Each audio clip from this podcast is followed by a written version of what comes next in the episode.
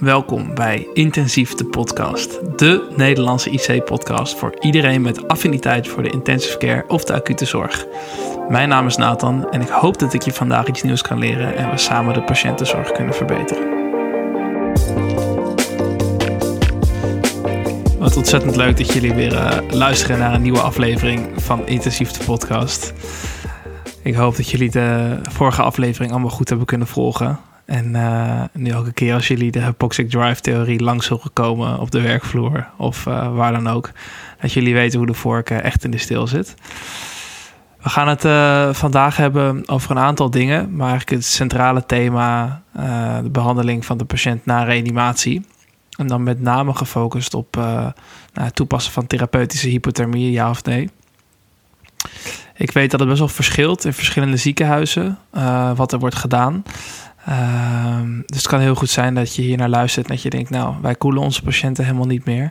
Ik denk dat het alsnog heel interessant is om naar deze aflevering te luisteren. En uh, nou, we gaan het namelijk over een aantal dingen hebben die, uh, ongeacht of jullie nog koelen of niet, op jullie afdeling nog steeds uh, relevant zijn. Ten eerste gaan we het hebben over wat nou eigenlijk de prognose of de mortaliteit is van een reanimant. En hoe het in Nederland doen in vergelijking met de rest van de wereld. Um, vervolgens gaan we ook kort inzoomen of we nou direct een CRG moeten uitvoeren bij patiënten na reanimatie. En uh, aan de hand van een studie uit 2019 hebben we hier uh, antwoord op. Het is de COACT trial. Nou, vervolgens gaan we kort kijken naar de geschiedenis achter het koelen van onze postreanimatiepatiënten. Waarom we daar ooit mee zijn begonnen. Uh, welke literatuur er eigenlijk beschikbaar is. We gaan een aantal onderzoeken bespreken. Vandaag wordt redelijk, uh, uh, nou gaan we redelijk veel focussen op onderzoek. Maar ik hoop ook dat de mensen die iets minder affiniteit hebben voor onderzoek, nou ja, nog steeds goed kunnen aanhaken. Ik zal niet al te veel ehm, cijfers en uh, procenten noemen. Tenminste, ga ik althans mijn best voor doen. Uh, nou, we gaan de Hakka-trial bespreken, de TTM 1 en 2, 1 en 2 trial en de Hyperion trial en de RINS trial. Um, nou, dan gaan we daarna hebben over wat nou eigenlijk de voordelen zijn van uh, hypothermie en wat ook alle nadelen zijn. En uiteindelijk een conclusie wat nou uiteindelijk bewezen effectief is voor onze patiënten. Nou, ik wilde graag beginnen met een, korte casus. Dit is een fictieve casus. Het is een uh, 56-jarige man. Die is op straat uh, in elkaar gestort. En ehm, direct eh, is er gestart met BLS door omstanders.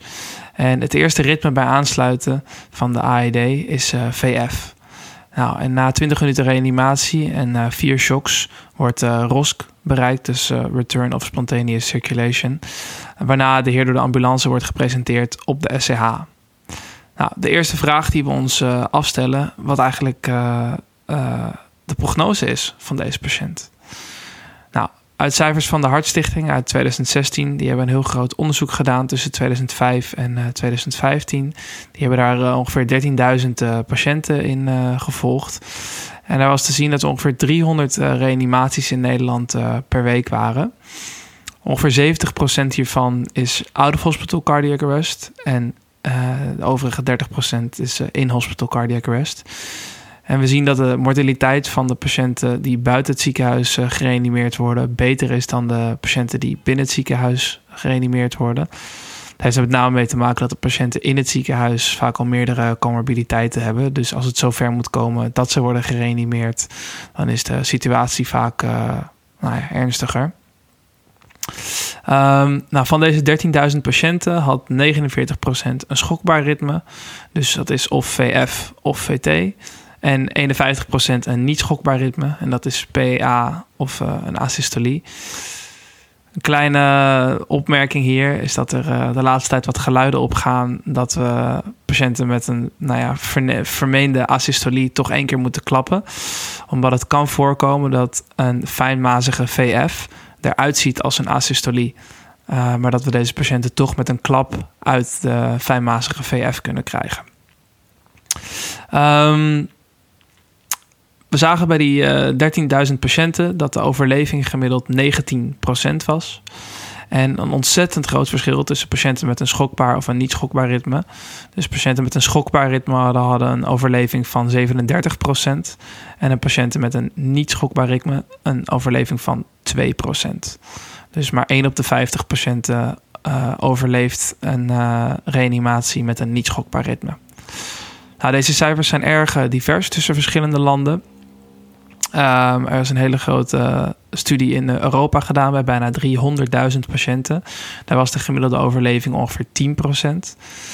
Um, ehm, en nog een andere studie uit Japan. Uh, daar zagen ze dat de overleving met goede neurologische uitkomst uh, slechts 3% was. Dat is bij een uh, groep van ruim een half miljoen Japanners. Um, echter wel, als deze patiënten als eerste ritme VF hadden, en als het uh, witnessed was, uh, had 21% overleefd het met een goede neurologische uitkomst. Nou, ik denk dat de verschillen tussen de landen uh, uiteraard te maken hebben met de verschillende gezondheidszorgen. maar ook heel erg met de bereikbaarheid van patiënten buiten het ziekenhuis. Ik denk in Nederland zijn we over het algemeen vrij dicht bevolkt. En is de aanrijdtijd van de ambulance korter dan nou, in een heel erg dun bevolkt land. Uh, vervolgens wordt deze patiënt uh, uitgebreid uh, onderzocht op de SCH. en er zijn op het ECG geen directe afwijkingen zichtbaar.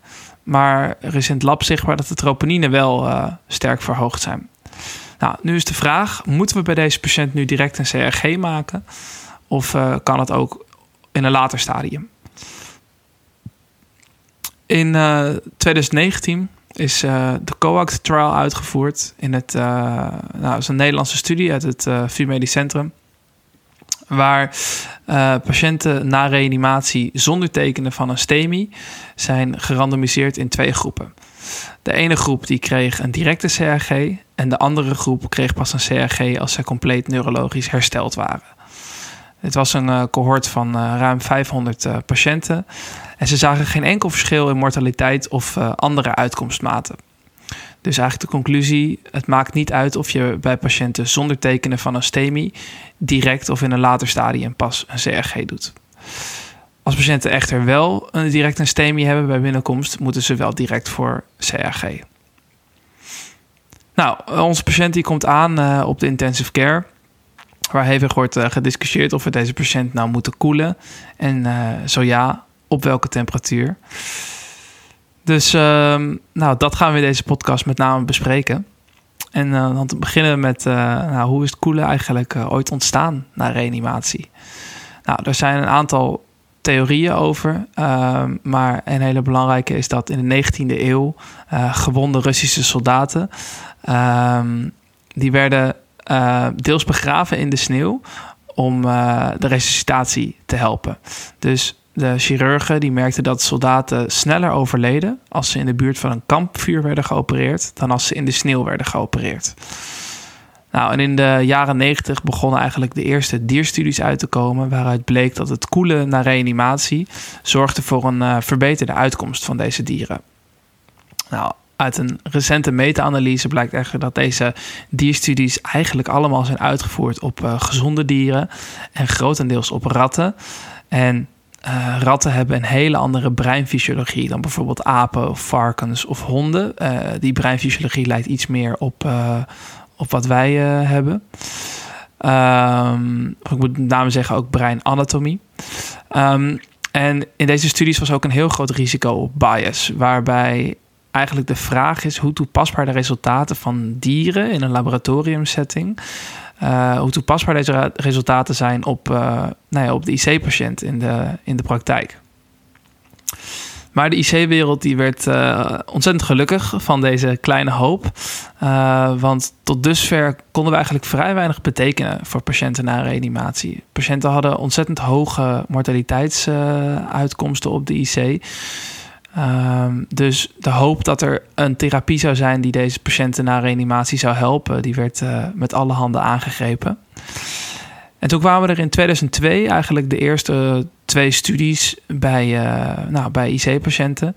Dat is de HACA-trial en de trial door Bernard et al. De links voor al deze studies staan in de show notes.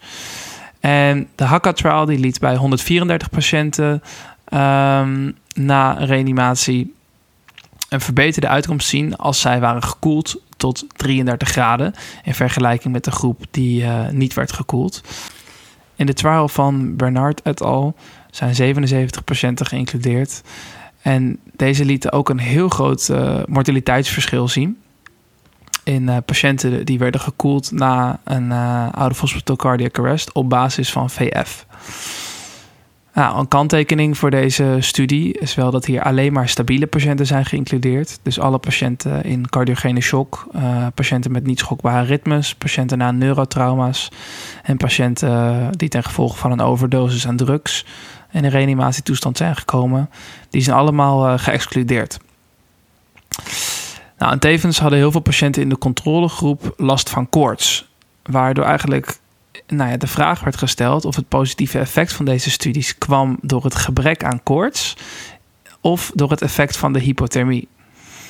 Um, nou, maar deze trials werden zo goed uh, ontvangen dat de therapeutische hypothermie, dus uh, patiënten koelen tussen de 32 en de 34 graden, eigenlijk de standaardzorg werd voor de postreanimant uh, op de intensive care.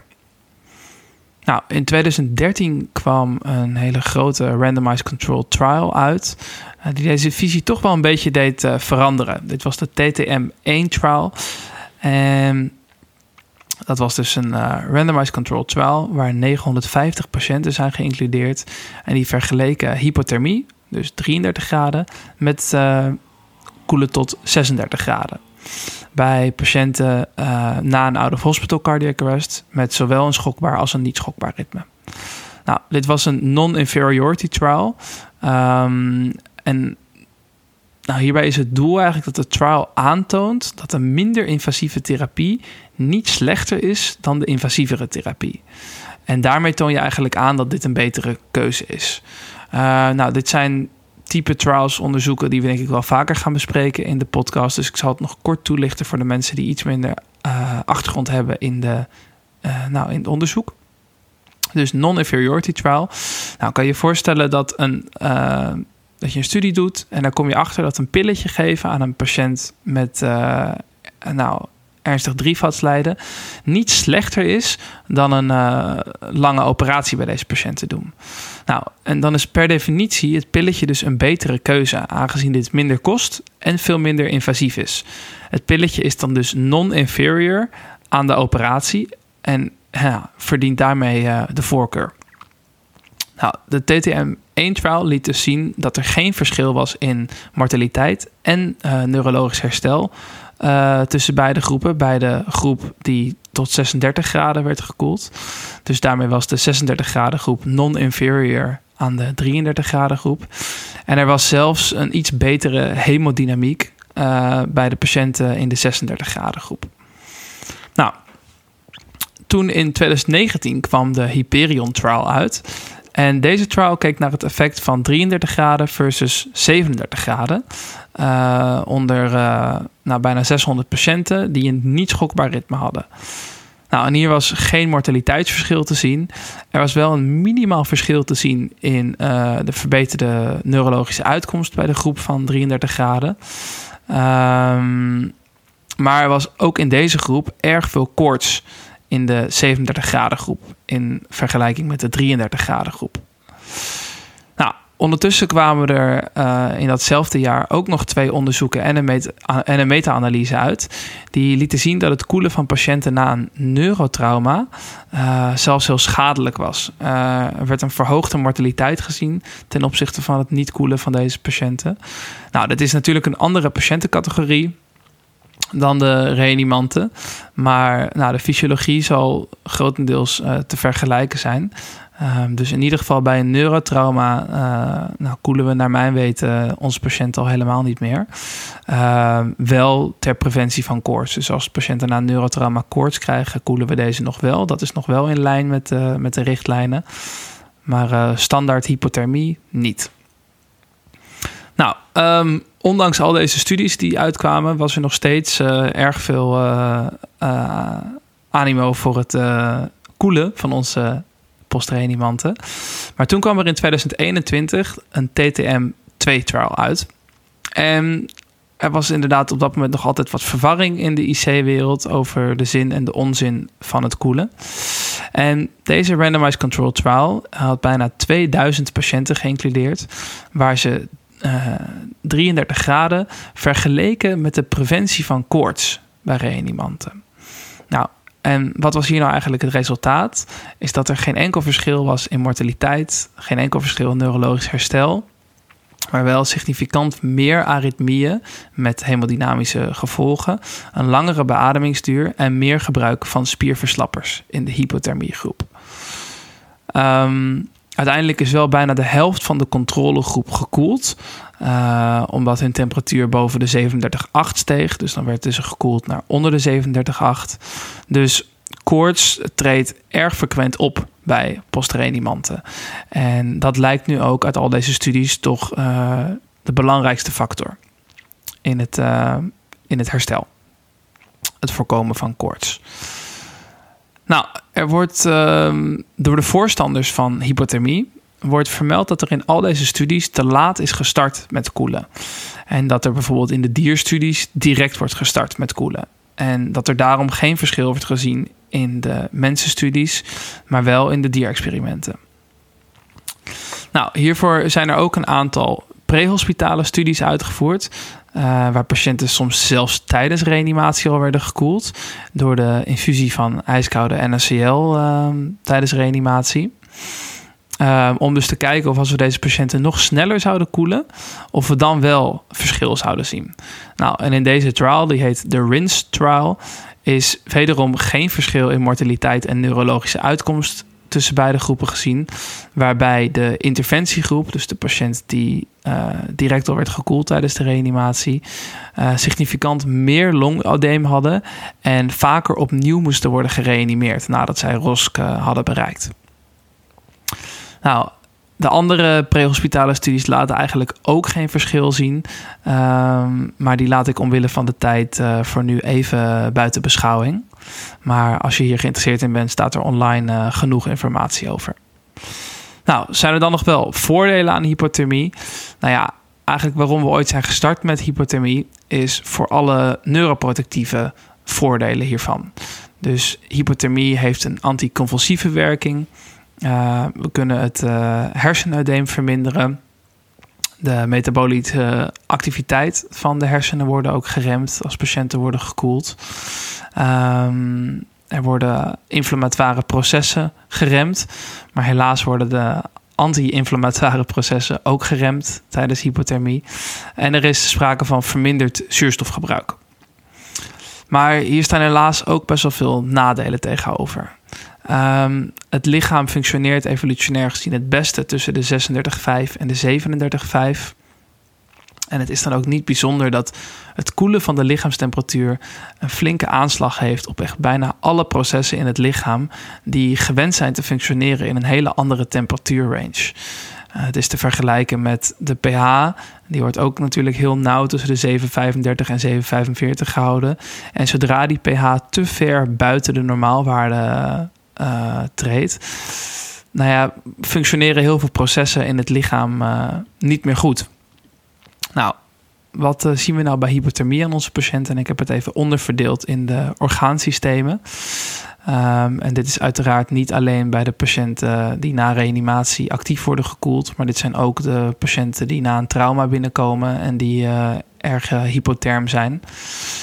We zien nou in de hemodynamiek zien we veel uh, aritmieën. Met name bradykardieën en atriumfibrilleren. En wat het gevaarlijk van die bradykardieën is, is als die bradykardie te laag wordt, is er een groot risico op een uh, uh, VT door de bradykardie, dus een ventriculaire tachycardie. Nou, hoe komt dat nou? De bradykardie die uh, komt uh, vanuit de sinusknoop. En stel je voor dat die ongeveer uh, 40 keer per minuut gaat kan je je voorstellen dat de ventrikel, die ook een frequentie heeft van ongeveer 40 keer per minuut, af en toe het gaat overnemen van de sinusknoop. Nou, en als er nou precies een ventriculaire slag komt in de rustpauze tussen twee slagen, dus in de repolarisatie, dan is er een uh, groot risico dat dit degenereert in een uh, ventrikeltachycardie. Want we zien ook een verlengde QT-tijd bij patiënten die gekoeld worden. Nou, vervolgens kunnen we vasoconstrictie zien met bijbehorende afterloadverhoging. Wat uiteraard niet heel prettig is voor een patiënt die net is gereanimeerd en een, nou ja, verslechterde hartfunctie heeft. Waar dat hart dan tegen een hogere afterload moet inpompen. En je eventueel medicijnen moet geven om die afterload te verlagen. Nou, vervolgens zien we een uh, verlaagde cardiac output. Uh, met name ook door een verminderde metabole activiteit in het lichaam. Nou, in het gastro-intestinale orgaansysteem zien we een verminderde darmactiviteit met een hoog risico op een uh, ileus. We zien een uh, mogelijke hyperglycemie. En dat heeft er met name mee te maken dat uh, patiënten die hypotherm zijn minder gevoelig zijn voor insuline. Dus zowel de insuline die wij aan ze geven en de insuline die hun lichaam zelf afgeeft. Uh, waardoor ze dus uh, kunnen worden. Nou, um, verder in de, op hematologisch gebied zien we een afname van de functie en de hoeveelheid leukocyten en trombocyten. Um, nou, bij leukocyten is het grote probleem dat deze patiënten uh, dus eigenlijk een verlaagde afweer hebben als ze worden gekoeld. En met trombocyten zien we met name dat deze patiënten verlengde stollingstijd uh, krijgen. Dus de hele stolling werkt minder goed als patiënten gekoeld worden. Nou, verder zien we op metaboolgebied uh, vaak een laag kalium, laag magnesium en een laag fosfaat. En wat heel vervelend is, is dat uh, het metabolisme van medicatie ook vertraagd is. Um, dus medicijnen worden minder snel gemetaboliseerd. Wat ook dus zorgt op een verlengde halfwaardetijd en risico van uh, medicijnaccumulatie. Nou, vervolgens zien we afwijkingen in bloedgas. En wat het lastige is, is dat er niet precies bekend is hoe er moet worden gecorrigeerd voor zulke lage temperaturen. Er zijn schattingen dat de PO2 met ongeveer 5 mm kwik of uh, eh, 0,7 kilopascal daalt met elke graad onder de 37. Maar sommige bloedgasapparaten die, uh, nou, kan je ze laten corrigeren daarvoor en sommige niet. Dus je kan je afvragen hoe goed een bloedgasanalyse van een uh, patiënt die wordt gekoeld is te interpreteren. Nou, en vervolgens zien we dat patiënten die gekoeld zijn vaak langer gesedeerd moeten blijven. Uh, meer spierverslappers krijgen, uh, met name ook om het rillen tegen te gaan. En daardoor liggen ze over het algemeen langer aan de beademing dan patiënten die niet gekoeld worden. Wat dus weer zorgt voor meer complicaties en een langere IC-opname. Nou, wat is nou de conclusie van dit hele verhaal? Eigenlijk dat er op dit moment geen goed bewijs is dat het koelen tot 33 graden meerwaarde heeft voor de postreanimant op de IC in vergelijking met normothermie en de preventie van koorts. En dit laatste lijkt dus eigenlijk de belangrijkste bijdragende factor uh, waarmee we onze patiënten echt kunnen helpen en mogelijk mortaliteit kunnen verlagen en een betere neurologische uitkomst kunnen realiseren. Nou, dan is de vraag waarom het nog steeds wordt gedaan in sommige centra en waarom het ook nog steeds wordt aanbevolen in verschillende richtlijnen. Nou, op het laatste kan ik uh, wel eerst een antwoord geven. Uh, richtlijnen worden eens in de zoveel jaren uh, aangepast. En bijvoorbeeld de laatste Europese reanimatierichtlijn is in maart 2021 voor het laatst aangepast. En de TTM2-studie, die is, als ik me niet vergis, uit september 2021. Um, dus die studie hadden ze nog niet tot hun beschikking toen die richtlijnen werden gemaakt. Nou, nu weet ik ook dat er dus sommige ziekenhuizen zijn waar niet meer worden gekoeld. En ik denk dat er ook wel een uh, verandering komt in de IC-wereld, zeker in Nederland, binnen niet al te lange tijd. Uh, waar koelen na reanimatie niet meer de standaardzorg wordt. Maar de vraag is nog steeds waarom het zo lang heeft volgehouden. Terwijl eigenlijk in 2013 al een hele grote studie was die liet zien dat het uh, geen effect had, het koelen. Nou, ik denk dat dit heel erg heeft te maken met een bepaalde status quo bias, zoals dat ook wel heet. Het is namelijk uh, erg makkelijk om de huidige therapie, die in de praktijk lijkt te werken, uh, niet aan te passen. Uh, bij patiënten die namelijk goed wakker worden na het koelen, kan je heel makkelijk zeggen: ah, zie je wel dat het werkt, dat het koelen een goed effect heeft gehad. En bij patiënten die overlijden, kan je altijd beredeneren dat deze patiënten sowieso zouden zijn overleden. En dat hun hypothermie hun helaas niet meer heeft kunnen helpen. Maar ik denk persoonlijk dat we eigenlijk eerlijk moeten zijn en in moeten zien dat de literatuur vrij duidelijk lijkt te zijn in het gebrek aan effect van therapeutische hypothermie. De positieve trials uit 2002 die zijn methodologisch eigenlijk zeer zwak. En die hadden in deze huidige tijd niet meer bijgedragen aan het veranderen van onze praktijk. Als we de TTM-trials als eerste hadden. Nou, en de hamvraag is uiteindelijk: moeten we nou stoppen met het koelen bij postreanimanten? Nou, laboratoriumstudies die zeggen nee. En klinische studies die zeggen ja. En het is uiteindelijk van het grootste belang dat we onze patiënten niet schaden. Nou, en dit kan gebeuren omdat een interventie echt gevaarlijk is en het de mortaliteit vergroot. Maar dit is gelukkig nog niet aangetoond in de literatuur bij postreanimanten, maar dus wel bij patiënten na neurotrauma. Nou, de andere mogelijkheid om indirecte schade aan onze patiënten te doen, is door te focussen op een therapie waar eigenlijk heel weinig bewijs voor is. Waardoor je tijd en geld verliest om te focussen op de zaken waar we zeker van zijn dat we de patiënt wel kunnen helpen. Zoals minder sedativa, de beademingsduur verkorten en goede preventie van uh, infecties. Het stoppen van koelen zou dus tijd besparen, kosten schelen, een aantal mogelijke bijwerkingen voorkomen en daarmee uiteindelijk onze patiëntenzorg uh, voor deze patiëntencategorie verbeteren. Maar ik ga natuurlijk heel graag de discussie aan met mensen die hierover een andere mening hebben. Ik pretendeer zelf zeker niet uh, de waarheid te weten. Ik kijk slechts naar de beschikbare literatuur en ik uh, baseer hierop uh, een mening. Om daarmee zo goed mogelijk voor onze patiënten te kunnen zorgen.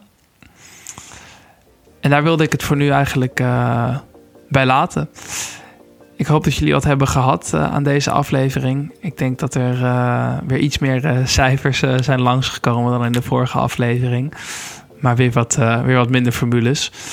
Um, nogmaals, de resultaten van alle studies die staan in de show notes. Dus lees vooral de studies ook zelf als je geïnteresseerd bent. En nou, mocht je nog vragen hebben, kunnen jullie me uiteraard altijd bereiken. Of via Instagram of via e-mail uh, intensiefdepodcast.gmail.com. Ik zou het uh, ontzettend waarderen als jullie me zouden kunnen waarderen op uh, Spotify of Apple Podcasts. Volg me op Instagram en hopelijk tot de volgende aflevering. Fijne dag.